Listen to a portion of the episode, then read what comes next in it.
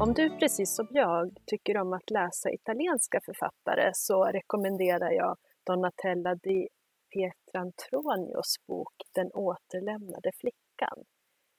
Bokens jag-berättare är då en flicka som är 13 år när hon lämnas tillbaka till sin biologiska familj.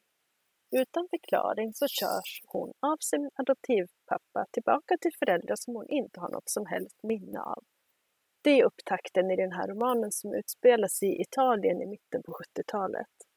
Men flickan, hon lämnar inte bara sin adoptivfamilj, hon lämnar även skola, vänner och ett väldigt välmående liv.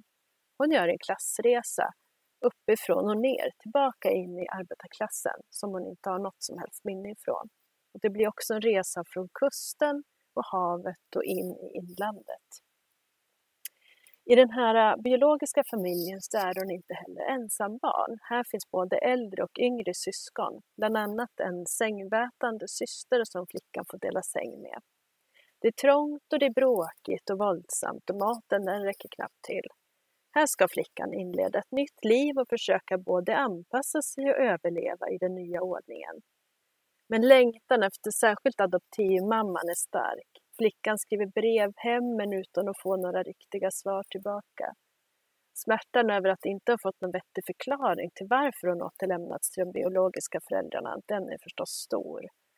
Men den här yngre systern, hon som kissade i sängen, blir i alla fall någon att liera sig med och ta sig fram tillsammans med. Det här är verkligen en roman för alla oss som älskar Italien och vill se kanske lite andra sidor än av de turistigaste sidorna. Eh, och för alla oss som älskar Elena Ferrante till exempel och vill ha någonting i liknande stil. Men det är också en bok för alla oss som vill ha en stark och riktigt bra uppväxtskildring, konsekvent skildrad genom flickans ögon eller kanske till och med hennes själ.